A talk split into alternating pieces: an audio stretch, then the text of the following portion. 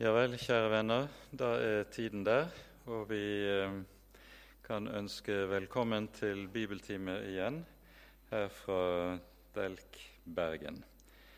Vi fortsetter nå utover våren gjennomgangen av Hebreabrevet, som vi startet på i høst. Og eh, vi er kommet til avslutningen av kapittel fem og går nå inn i det sjette kapittelet. Bibeltimene kommer fortsatt til å bli slik at de avholdes her fra Kirken, og så streames de. Um, vi skal se på etter hvert muligheten for å flytte de opp i menighetssalen, og da vil, vil uh, det bli slik at bibeltimene blir tilgjengelig via opptak. Men foreløpig kommer vi til å ha det sånn som vi har hatt helt fra korona kom, at vi holder bibeltimene her i, i kirkesalen. Og så eh, blir det anledning til også å følge dem direkte for de som eh, har mulighet til det. Igjen varmt velkommen. Vi eh, begynner med å be sammen. Kjære Herre, hellige og treenige Gud. Vi takker og lover deg fordi vi på ny skal få lov til å samles om ditt hellige ord og i ditt hellige navn. Takk for det nye året du har gitt oss. Vi ber, Herre, om at dette året må bli et nådens år, der vi får lov til å leve under ditt, din nådes ord fortsatt. Vi ber, Herre, at du vil forbarme deg både over vår menighet over vår kirke og over vårt folk. At lysestaken, Herre, enda må bli stående imellom oss. Så takker vi deg, Herre Jesus, for all din godhet imot oss. Takk for din store trofasthet og nåde. Du ga deg selv i vårt sted for at vi skal eie en fullkommen frelse.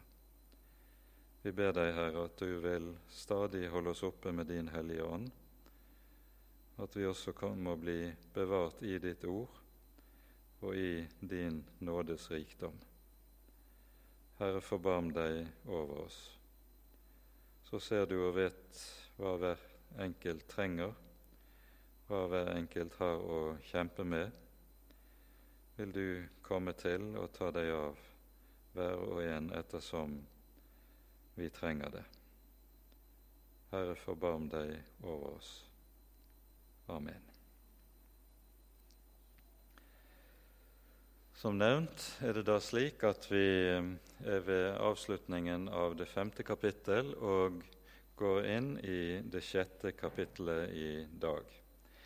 Sist gang, før jul, så var vi så vidt inne i eh, avslutningen av det femte kapittelet men vi bruker noe tid også i dag på dette. Eh, vi da leser da fra vers 11 i kapittel 5 og videre i kapittel 6.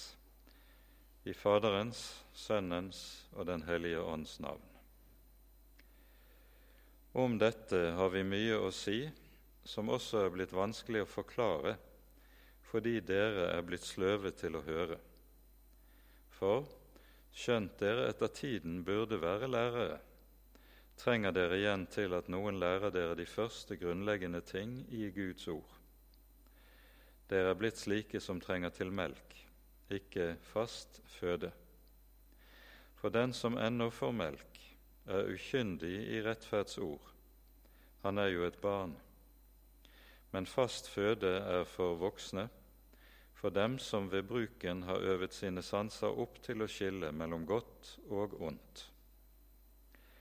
La oss derfor gå forbi barnelærdommen om Kristus og gå videre mot det fullkomne, så vi ikke igjen legger grunnvoll med omvendelse fra døde gjerninger og tro på Gud, med lære om dåp og håndspåleggelse, oppstandelse fra de døde og evig dom. Og det vil vi gjøre om Gud tillater det. For de som en gang er blitt opplyst, som har smakt den himmelske gave, og har fått del i Den hellige ånd og smakt Guds gode ord og den kommende verdens krefter, og så faller fra, de kan umulig igjen fornyes til omvendelse, siden de på ny korsfester Guds sønn for seg og gjør ham offentlig til spott. For den jord som drikker regnet, som ofte faller på den, og bærer grøde til gagn for dem som den dyrkes for, får velsignelse fra Gud. Men bærer den tårner og tistler, da er den unyttig og forbannelsen nær, og det ender med at den brennes. Men når det gjelder dere, våre kjære, så er vi overbevist om det som bedre er, og som hører til frelse, selv om vi taler slik. For Gud er ikke urettferdig, så han skulle glemme det verk dere har gjort, og den kjærlighet dere har vist mot Hans navn, ved at dere har tjent de hellige og fortsatt gjør det. Men vi ønsker at hver og en av dere må vise den samme iver etter det fulle håp i visse, den fulle visshet i håpet inntil enden, så dere ikke blir sløve, men følger etter dem som ved tro og tålmod arver løftene. For da Gud ga Abraham løftet, sverget han ved seg selv. Han hadde jo ingen større å sverge ved, og han sa, Sannelig, jeg vil rikt velsigne deg og gjøre din ett tallrik og da han slik hadde ventet tålmodig, oppnådde han det som var lovt. Mennesker sverger jo ved den som er større, og for dem er eden en stadfestelse som gjør slutt på all motsigelse. Da Gud så ville vise løftets arvinger desto mer klart sin uforanderlige vilje, bekreftet han det med en ed, for at vi skulle ha en sterk trøst ved to uforanderlige ting som utelukker at Gud kunne lyve, vi som har tatt vår tilflukt til å gripe det håp som ligger foran oss. Dette har vi som et anker for sjelen, et som er trygt og fast og når inn til det innerste bak forhenget, der Jesus gikk inn som forløper for oss, han som ble ypperste prest til evig tid etter Melkisedeks vis. Avsnittet vi nå har lest, det er i grunnen et innskudd der vi i et hovedavsnitt som begynner i det femte kapittelet, der forfatteren av Hebreabrevet begynner undervisningen om Jesus som ypperste prest etter Melkisedeks vis. Dette er det vi møter i det femte kapittelet, og som fortsetter nå fra slutten av kapittel 6 inn i det syvende kapittelet. Og dette er en ganske vesentlig del av eh, vitnesbyrdet om Kristus, slik som vi møter det i Hebreabrevet. Men i dette innskuddet møter vi altså en advarsel til brevets mottakere. Og vi har sett hvordan det er at helt fra kapittel 2 av gjennom kapittel 3 og 4 er en, et hovedanliggende for brevets forfatter advarselen mot frafall. Det er dette som møter oss på ny og på ny, både i kapittel 2 og 3, og dukker opp igjen her i kapittel 6. Og så ser vi at dette avsnittet der det taler om i første halvdel av kapittel 6 om frafall og frafallets fare, det innledes med ordene i slutten av kapittel 5. Om dette har vi mye å si som er vanskelig å forklare ettersom dere er blitt sløve til å høre. Vi forstår da at noe av en hovedårsak til det truende frafall som det tales om her i brevet, det er at det er noen som er blitt sløve til eller trege til å høre. Frafall har som regel det med seg, nemlig at det relativt sjelden er noe som skjer plutselig og brått med ett enkelt fall.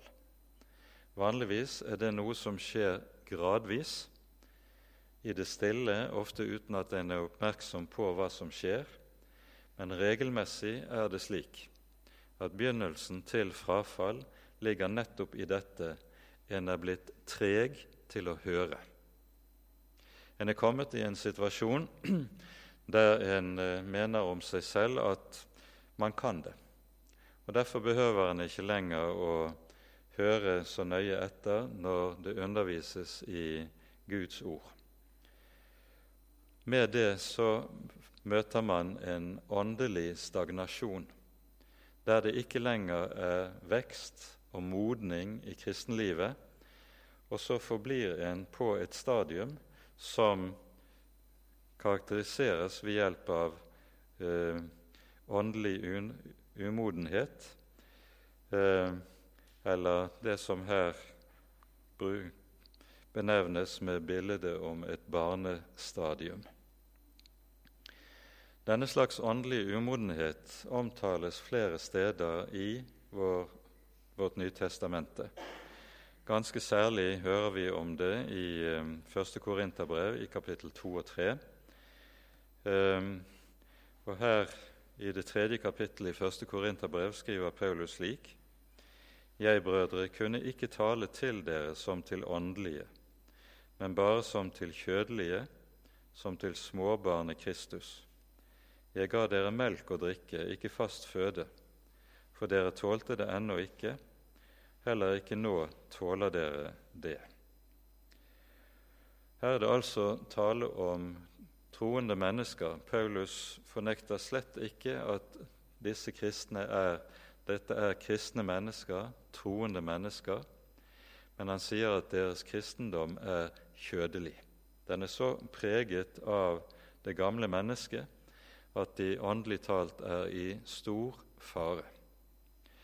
Og Går vi til teksten her i Hebreerne 5, så skjønner vi at noe av årsaken til en slik kjødelig kristendom ligger nettopp i at en er blitt treg til å høre.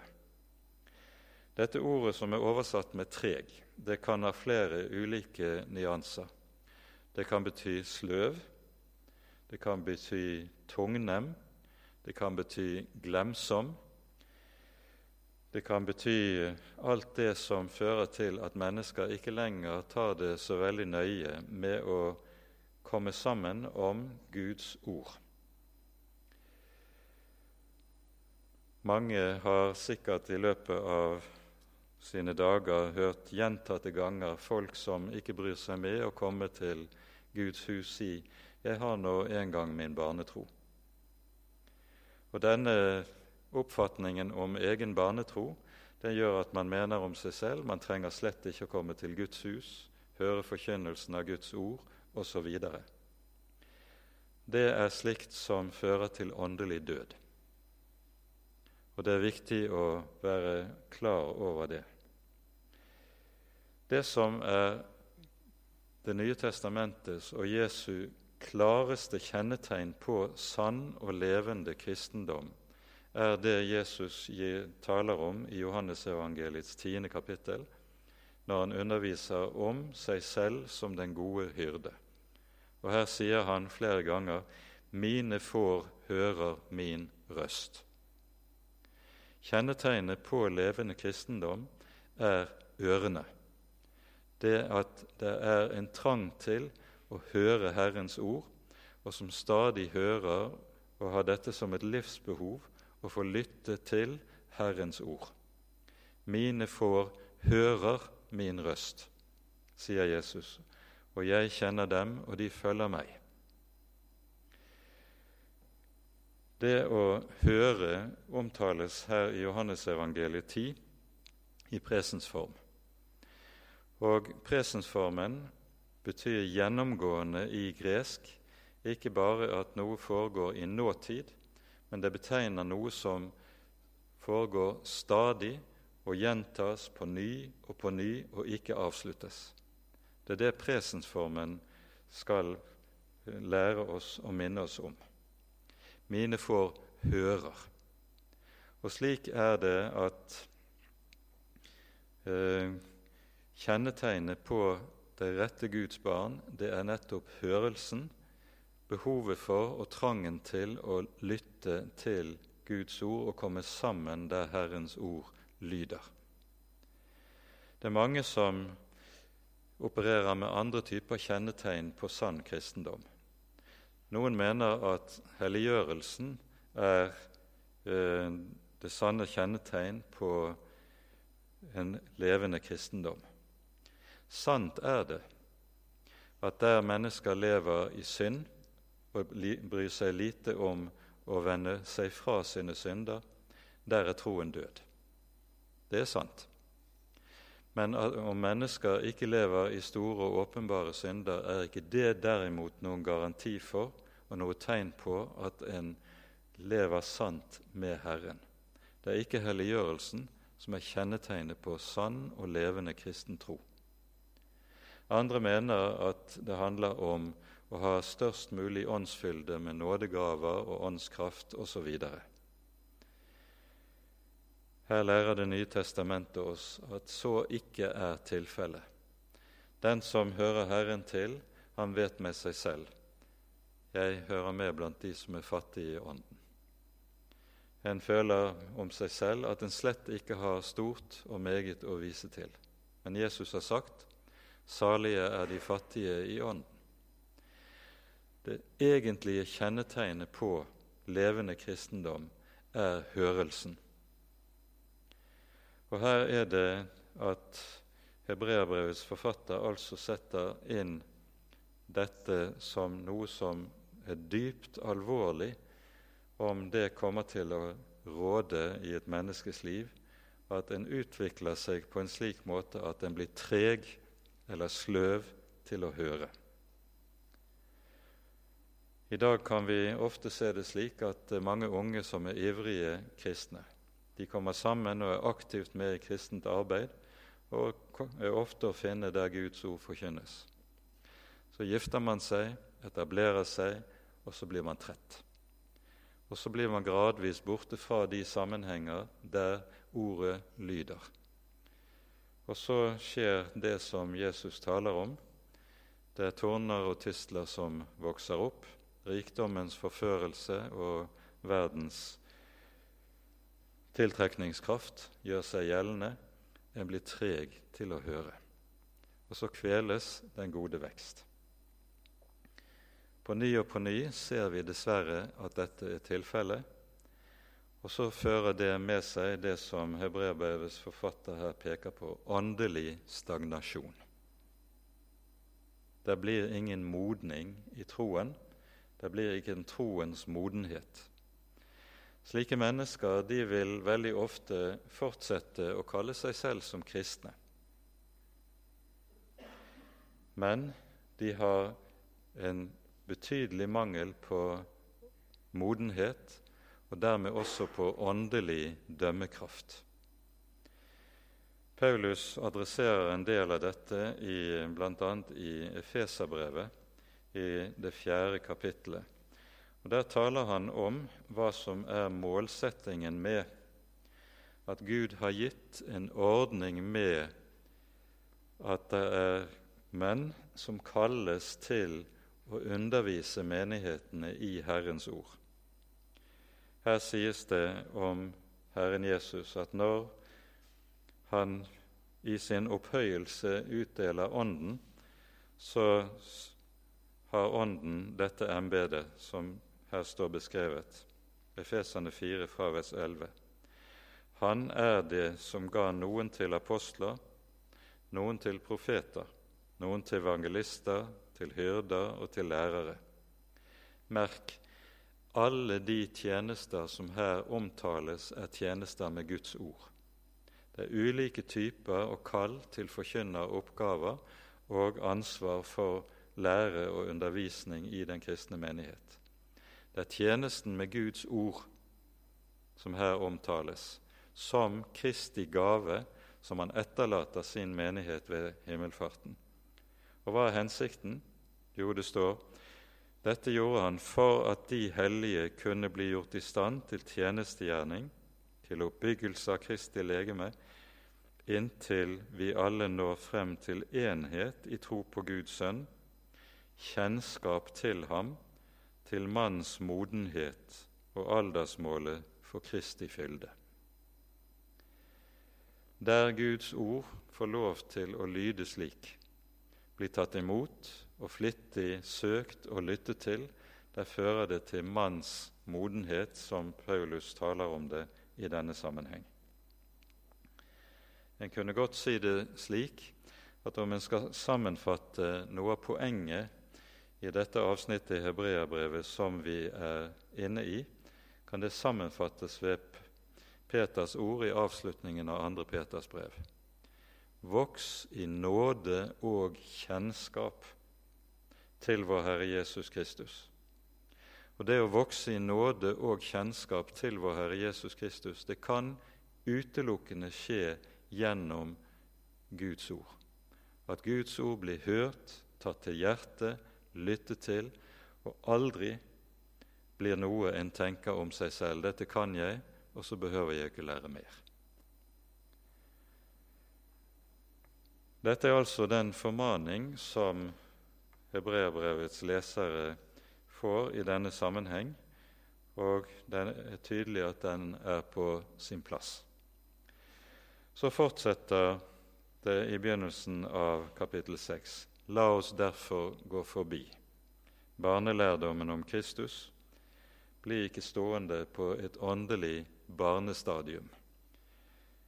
Men la oss gå videre. Det ordet som her er oversatt med 'å gå videre', det betyr bokstavelig 'la oss bæres videre' mot det fullkomne, altså mot modenhet. Ordet 'fullkommenhet' er her, betyr modenhet i denne sammenheng. Så vi ikke, lenger, så vi ikke igjen legger grunnvoll med omvendelse, fra døde gjerninger osv. Det skal være helt unødvendig for men, overfor mennesker som har bekjent troen gjennom lang tid, gjennom mange år, å måtte repetere og gjenta en del av det som er ABC-en. La oss gå videre, sies det. Og Da er det viktig at en vet hva som menes med å gå videre. Det er enkelte som oppfatter dette med å gå videre som om det betydde at ja, nå har vi lært alt dette om at Jesus døde for vår skyld, og at hans kors er en soning for våre synder. Nå må vi komme videre. Det viktigste er ikke læren, den kan vi. Nå handler det om livet. Og så vil en gå videre fordi en ikke lenger tenker om at en trenger å høre mer om det. Problemet er ikke rettferdiggjørelsen, men helliggjørelsen, kan du høre. Det er ikke læren det kommer an på, men livet det kommer an på, får en høre, i tråd med denne tankegang. Og så må en gå videre. Men det å gå videre, det betyr her ikke å gå bort fra det som er, vi har lært, og som er troens grunnsannheter. Men det handler om å vokse stadig dypere inn i dette stadig dypere inn i dette, for i troens grunn, som er vår Herre Jesus Kristus, er det en usigelig rikdom som vi aldri vil kunne bli ferdig med å granske og vokse dypere ned i. De som uh, taler om å gå videre i denne negative betydning som vi her har pekt på, de får noen ord i 2. Johannes brev, der står det slik i det niende verset.: Vær den som slår inn på avveie og ikke blir i Kristi lære, har ikke Gud. Det uttrykket som her er oversatt med 'den som slår inn på avveie', det står egentlig i grunnteksten 'vær den som går videre' og ikke blir i Kristi lære. Han har ikke Gud. Og så står det motsatte i andre delen av verset. Den som blir i læren, har både Faderen og Sønn. Så her dreier det seg om å forstå rett hva som menes med å gå forbi barnelærdommen. Det handler om en åndelig modning som springer ut av at en vokser stadig dypere inn i evangeliet, vitnesbyrdet om hva vi eier i vår Herre Jesus Kristus, og at dette får lov til å bli det som fyller et kristent menneskes hjerte og liv. Et par viktige ting vi skal legge merke til. Vi skal ikke igjen legge grunnvoll med omvendelse fra døde gjerninger. Ordet omvendelse er uhyre betydningsfullt. Og dere vil alle huske å vite at når både døperen Johannes' forkynnelse sammenfattes, og når Jesu forkynnelse sammenfattes i en kort sum, slik vi hører det i begynnelsen både av Matteus og Markusevangeliet, så sammenfattes det med ordene 'omvend dere' og 'tro evangeliet'. Og Ordet som oversettes med omvendelse, det er det greske ordet som betyr å endre sinn. Hva er det som skjer når et menneske på denne måten endrer sinn? Hva er den grunnleggende sinnsforandring som skjer i omvendelsen? Ja, det handler om å vende seg fra sine synder. Det handler om at et menneske begynner å se på synden i sitt liv som synd. Men det er noe annet som ligger under og bak, som er enda mer grunnleggende. Og det er dette at før et menneske blir omvendt, så stiller det seg overfor Guds ord i et bedømmende forhold. En mener om når en hører Guds ord, så bedømmer en dette ord, og gir med dette til kjenne at en i realiteten ser på seg selv som stående over ordet, ikke under ordet. En virkelig omvendelse den medfører at et menneske går fra å stå i et bedømmende forhold til ordet til at det i stedet blir slik at det er ordet som bedømmer ham selv. Det er ikke jeg som leser ordet, men det er ordet som leser meg. Og når, jeg, når det blir slik at Guds ord blir det som bedømmer meg, da står jeg under ordet, ikke over ordet. Og dette er den grunnleggende sinnsforandring som skjer i omvendelsen, det er det som er forutsetningen for at synd blir synd i ordets rette forstand for et menneske.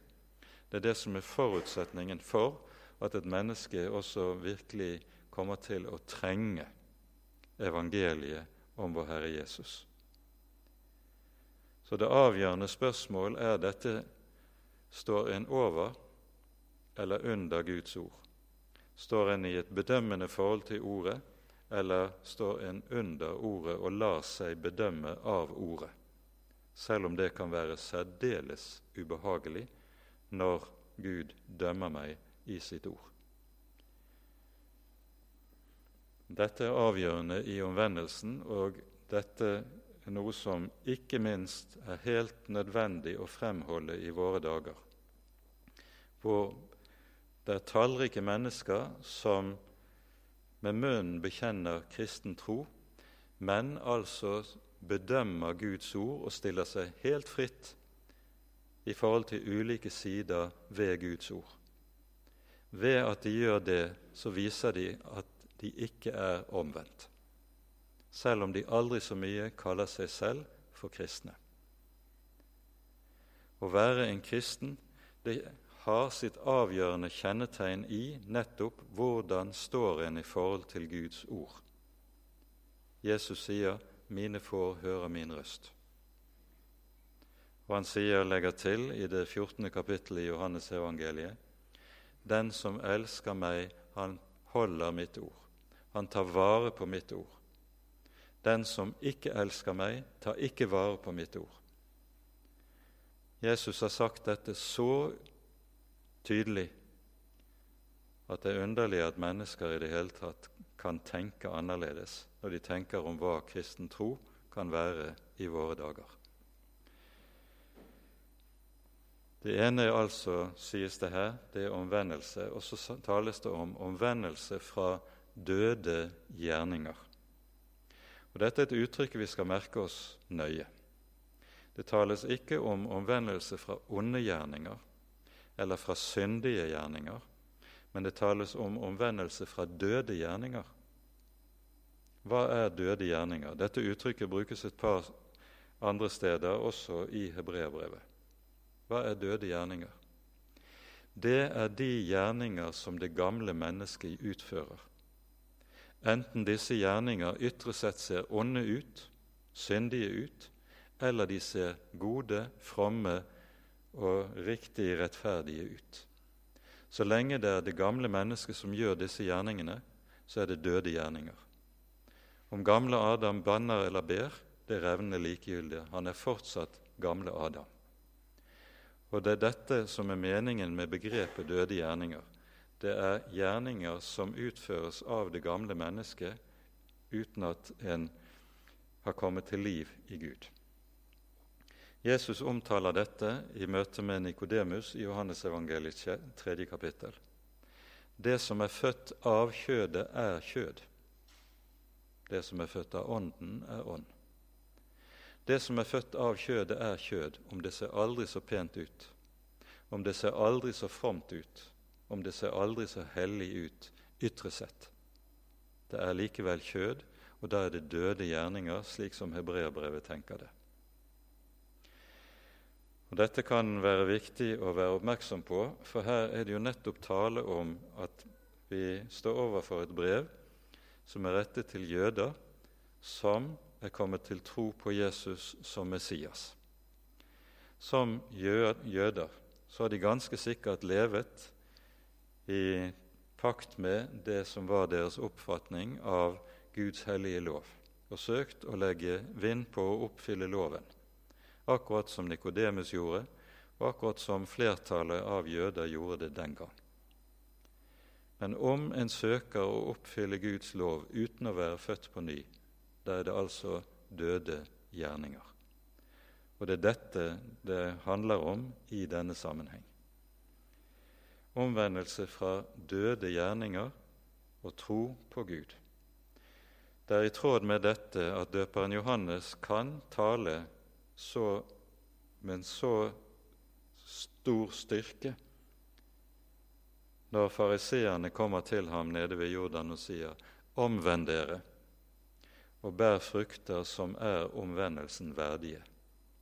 Dette er en gruppe mennesker som la hele sin energi på, inn på å søke å oppfylle Guds hellige lov. Og likevel sier altså døperen omvend dere. Og Det er altså dette det taler om i denne sammenheng, og det er det som er betydningen av begrepet døde gjerninger. Saken som det her dreier seg om, det er altså Jesu ord i, eh, til Nikodemus det som er født av kjødet, er kjød. Så fortsetter det i neste vers med tale om det som videre hørte med til elementærsannhetene, eller ABC-en, læren om dåp, håndspåleggelse, og så oppstandelse fra de døde og evig dom. Her sammenfattes det ganske kort hva som har vært den elementære undervisningen av de første kristne. Lære om dåp, det er det som gis i Jesu undervisning når han taler, befaler om dåpen og knytter gjenfødelsen, frelsen og syndenes forlatelse til dåpen.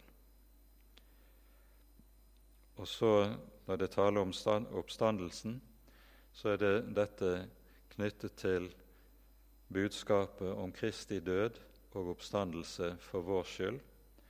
Og når det taler om den evige dom, så er det tale om det, både det som er håpet for den kristne menighet, og det som er det store livs alvor som vi som mennesker lever under. Nemlig at hvert menneske skal en dag stå ansikt til ansikt med sin skaper og måtte gjøre regnskap for sitt liv. Dette er kanskje den sterkeste motivasjonen for omvendelsesforkynnelsen, og det sterkeste kallet til mennesker om å vende om.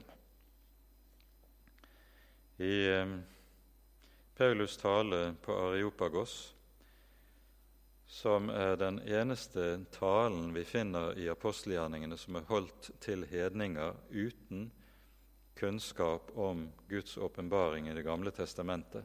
De øvrige talene er stort sett holdt til jøder som er vokst opp med å kjenne Det gamle testamentet. I denne talen så begynner Paulus med å tale om skapelsen.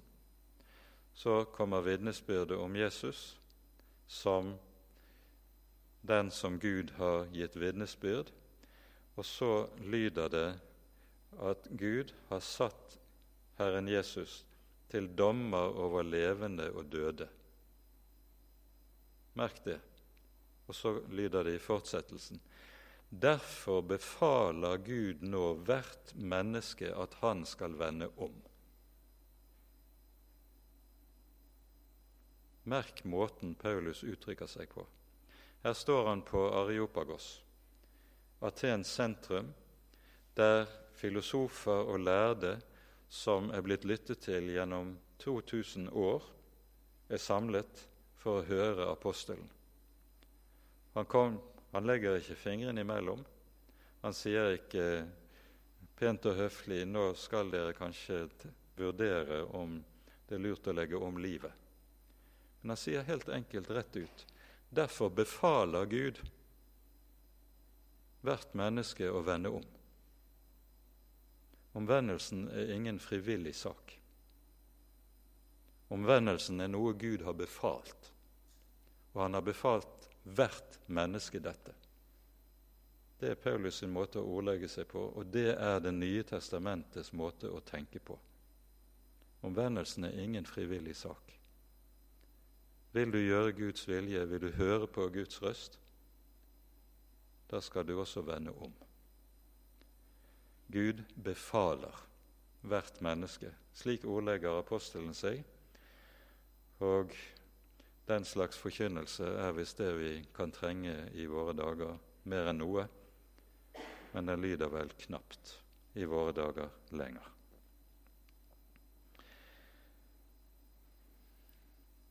Så kommer det et avsnitt i Hebreane 6 fra vers 4 som har voldt fortolkerne megen eh, hodebry og eh, mye vansker gjennom historien.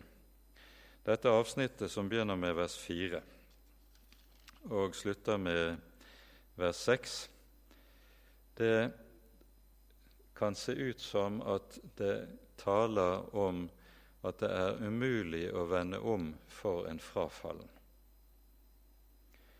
Eh, og fordi det her eh, har vært lest eh, relativt tidlig i Kirkens historie at en omvendelse nummer to er umulig, så har det vært stilt spørsmålstegn ved om dette brevet virkelig kan være et apostolisk skrift. Problemet med denne måten å lese dette avsnittet på er at en leser det løsrevet fra det som er skrevet tidligere i brevet.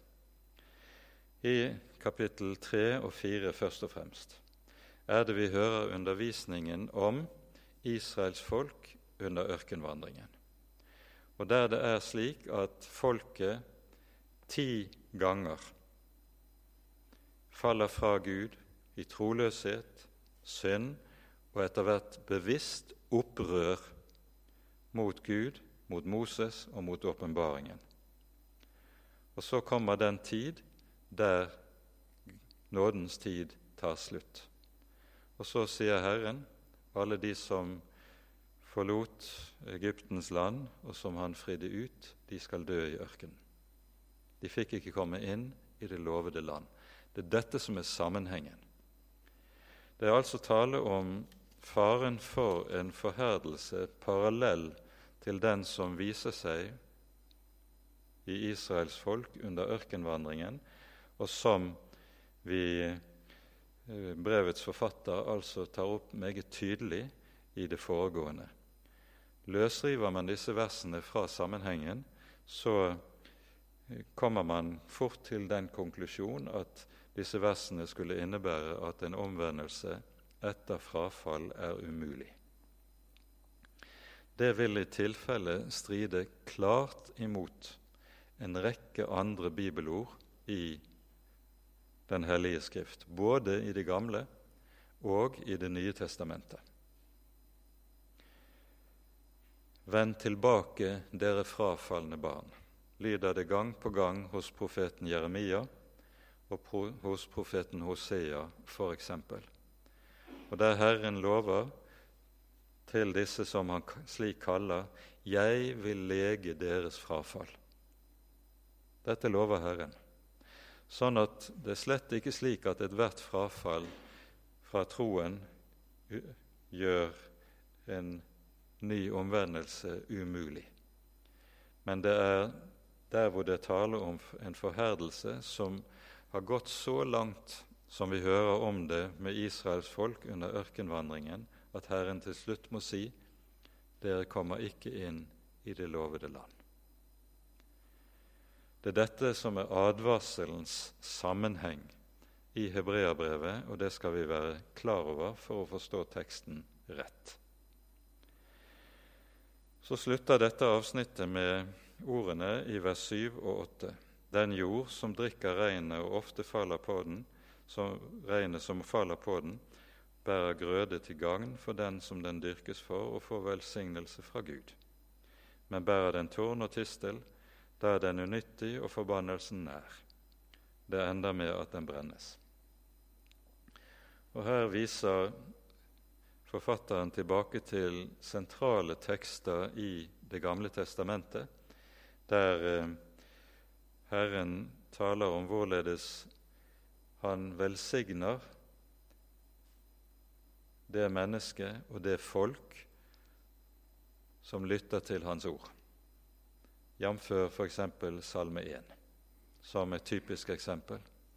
Og motsatt truer med forbannelsen, der ordet blir foraktet og forkastet, og der det altså er slik at det ikke bærer ordet bærer frukt, men i stedet så blir det tårn og tistel, det motsatte av den gode frukt og den gode vekst. Så fortsetter brevet fra vers 9 med et oppmuntrende uttrykk. Når det gjelder dere, våre kjære, det står egentlig 'våre elskede', så er vi overbevist om det som bedre er, og som hører til frelse, selv om vi taler slik. Det er jo dypt alvorlige advarsler som lyder her. Men nettopp alvoret i disse advarslene er uttrykk for avsenderen av brevet sin kjærlighet. I ordspråksboken står det 'trofaste er vennens slag'. Troløse er fiendens kyss. Det å ha et menneske som kan ta, peke på ens egen svikt på en slik måte at en tar det til hjertet og sier 'dette er sant, jeg må vende meg fra det'. Det er en stor gave. Mens det å få mennesker som stadig ikke gjør annet enn å klappe deg på skulderen og fortelle hvilket bra papir du egentlig er, det gagner lite åndelig talt. Vi trenger, og vi har godt av, og vi har behov for nettopp dette som ordspråksboken så enkelt formulerer. Trofaste er vennens lag, troløse fiendens kyss. Så fortsetter det med ordene Gud er ikke urettferdig, så han skulle glemme det verk dere har gjort, og den kjærlighet dere har vist mot Hans navn, ved at dere har tjent de hellige og fortsatt gjør det. Her skal vi være klar over at det tenkes her overhodet ikke på at deres kristenstand og eh, at de er rettferdiggjort, har sin grunn i kjærligheten til de hellige. Men det, det som er tankegangen her, det er at de har vist den slags troens frukter som er omtalt i vers 7. Og disse troens frukter bevitner at tross alt, selv om det er meget som er av svikt i deres liv, så har de likevel en levende tro som de rett nok kan stå i fare for å miste, men likevel. Deres liv har vist at de har båret frukt i troen. Og så fortsetter det, men vi ønsker at hver og en av dere må vise den samme iver etter fulle, den fulle visshet i håpet inntil enden. Hva er det apostelen da tenker på? Han tenker på det som kommer i det følgende, der det taler om Guds løfte til Abraham, som levet i håpet og ventet ventet på Guds løfte. Nemlig så dere ikke blir sløve, men følger etter dem som ved tro og tålmod arvet løftene. Og så kommer det for da Gud ga Abraham løftet. Og Det vi nå møter i de påfølgende versene, det er noe som er et uhyre viktig avsnitt, fordi her er det et av de klareste avsnittene i Bibelen når det taler om det vi kaller frelsesvisshet. Legg merke til det som står i vers 17. Da Gud så ville vise løftets arvinger desto mer klart hvor uforanderlig hans vilje var, bekreftet han det med en ed. Poenget er, ut fra det her, som her sies, det ligger Gud på hjertet at vi skal få lov til å eie en troens visshet som hviler i løftet slik som det er gitt. Og Så brukes Abraham som forbilde, like som Paulus gjør det både i Romerbrevet og Galaterbrevet, og Hebreerbrevets forfatter kommer tilbake til Abraham i kapittel 11. Abraham er troens far og troens forbilde, forbilde på hva det er å leve i tro. Så Derfor det som sies til Abraham, det er noe som gjelder alle som hører Jesus til. Det gjelder Guds folk, de er Abrahams arvinger, løftets arvinger. Og Derfor kan brevets forfatter anvende det som sies til Abraham, direkte på de troende i deres nød og i deres kamp så sies det altså da Gud så ville vise løftets arvinger desto mer klart hvor uforanderlig hans vilje var, bekreftet han det med en ed. Poenget her er Gud har ikke bare gitt et løfte, men han har til og med stadfestet det løftet med å sverge, med å avlegge ed. Det er det Gud gjør i 1. Mosebok kapittel 22 etter Abrahams prøvelse, der Herren den allmektige selv sverger ved seg selv. Ved meg selv sverger jeg, lover jeg. Og så kommer løftet til Abraham, det løftet som vi også har del i, som løftets arvinger. Og så sies det hvorved Gud umulig kunne lyve. Det var vi skulle ha en sterk trøst ved to uforanderlige ting som utelukker at Gud kunne lyve, nemlig vi har en ed, og vi har et løfte. Gud gir et løfte. Hvem er han som gir løftet? Han er den som er den sanddrue, den som aldri kan lyve.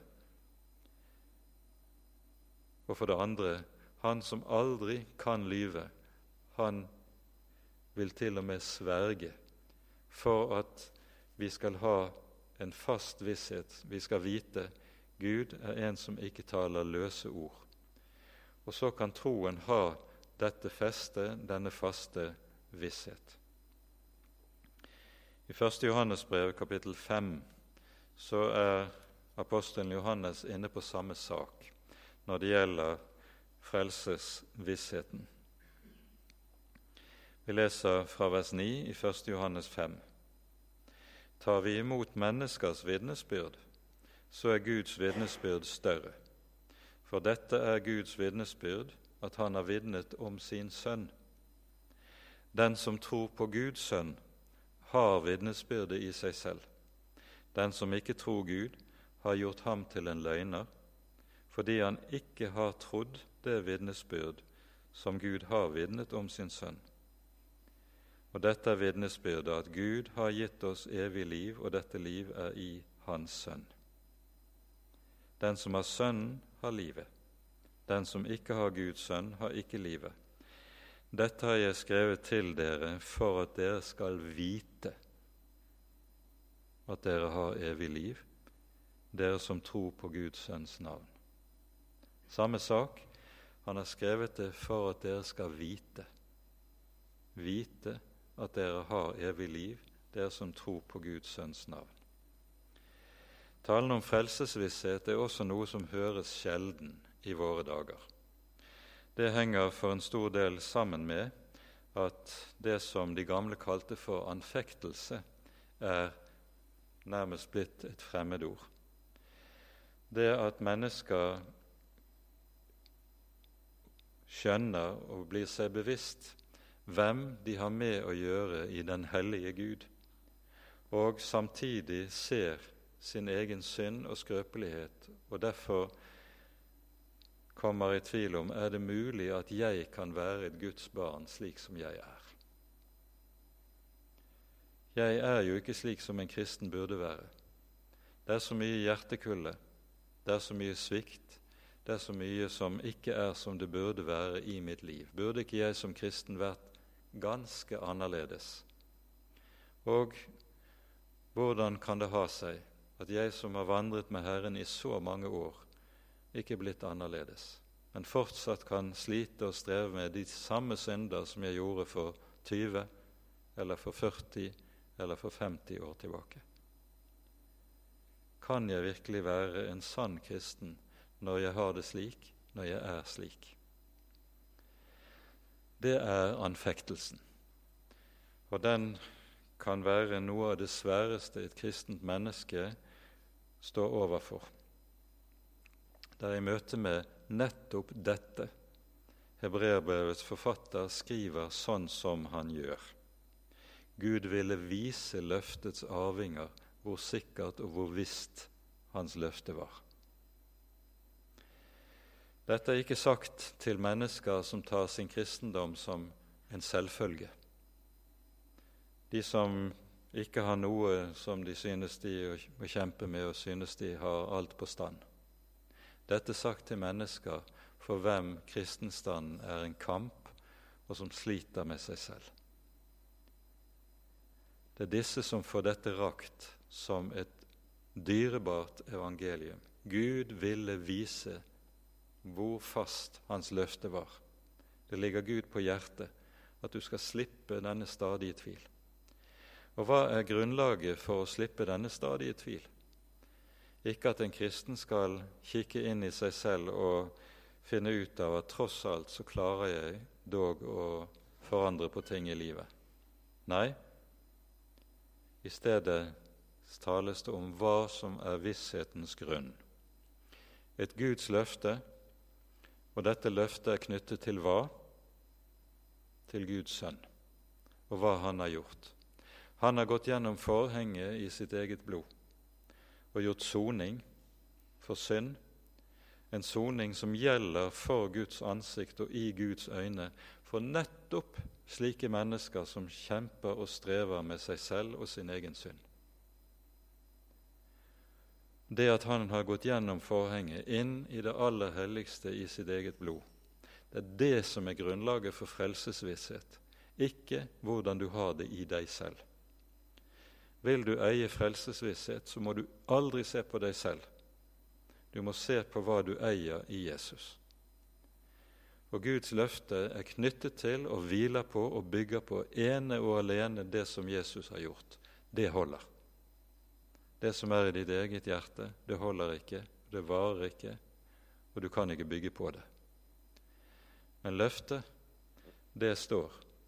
Og Gud har stadfestet det med en ed, at det, dette løftet gjelder for nettopp slike som deg, med alt det du har å slite med og kjempe med. Da er det tale om frelsesvisshet i ordets bibelske forstand. I dette er det vi står overfor det som kalles den, den første fulle visshet i håpet. Det er håp som når innenfor forhenget. Det er et håp som der er som et ankerfeste, som holder om stormen er aldri så hard. Skipet har likevel et anker som holder, og et ankerfeste som tåler enhver storm. Fordi her er det tale om et løfte som Gud selv står inne for, og som Jesus selv står inne for med sitt eget liv og med sitt eget blod. Det er det frelsens visshet bygger på. Med det setter vi punktum for kveldens bibeltime. Ære være Faderen og Sønnen og Den hellige ånd, som var og er og være skal en sann Gud, høylovet i evighet. Amen. La oss så sammen be Herrens bønn. Vår Far i himmelen. La navnet ditt helliges. La riket ditt komme. La viljen din skje på jorden slik som i himmelen. Gi oss i dag vårt daglige brød, og tilgi oss vår skyld, slik også vi tilgir våre skyldnere.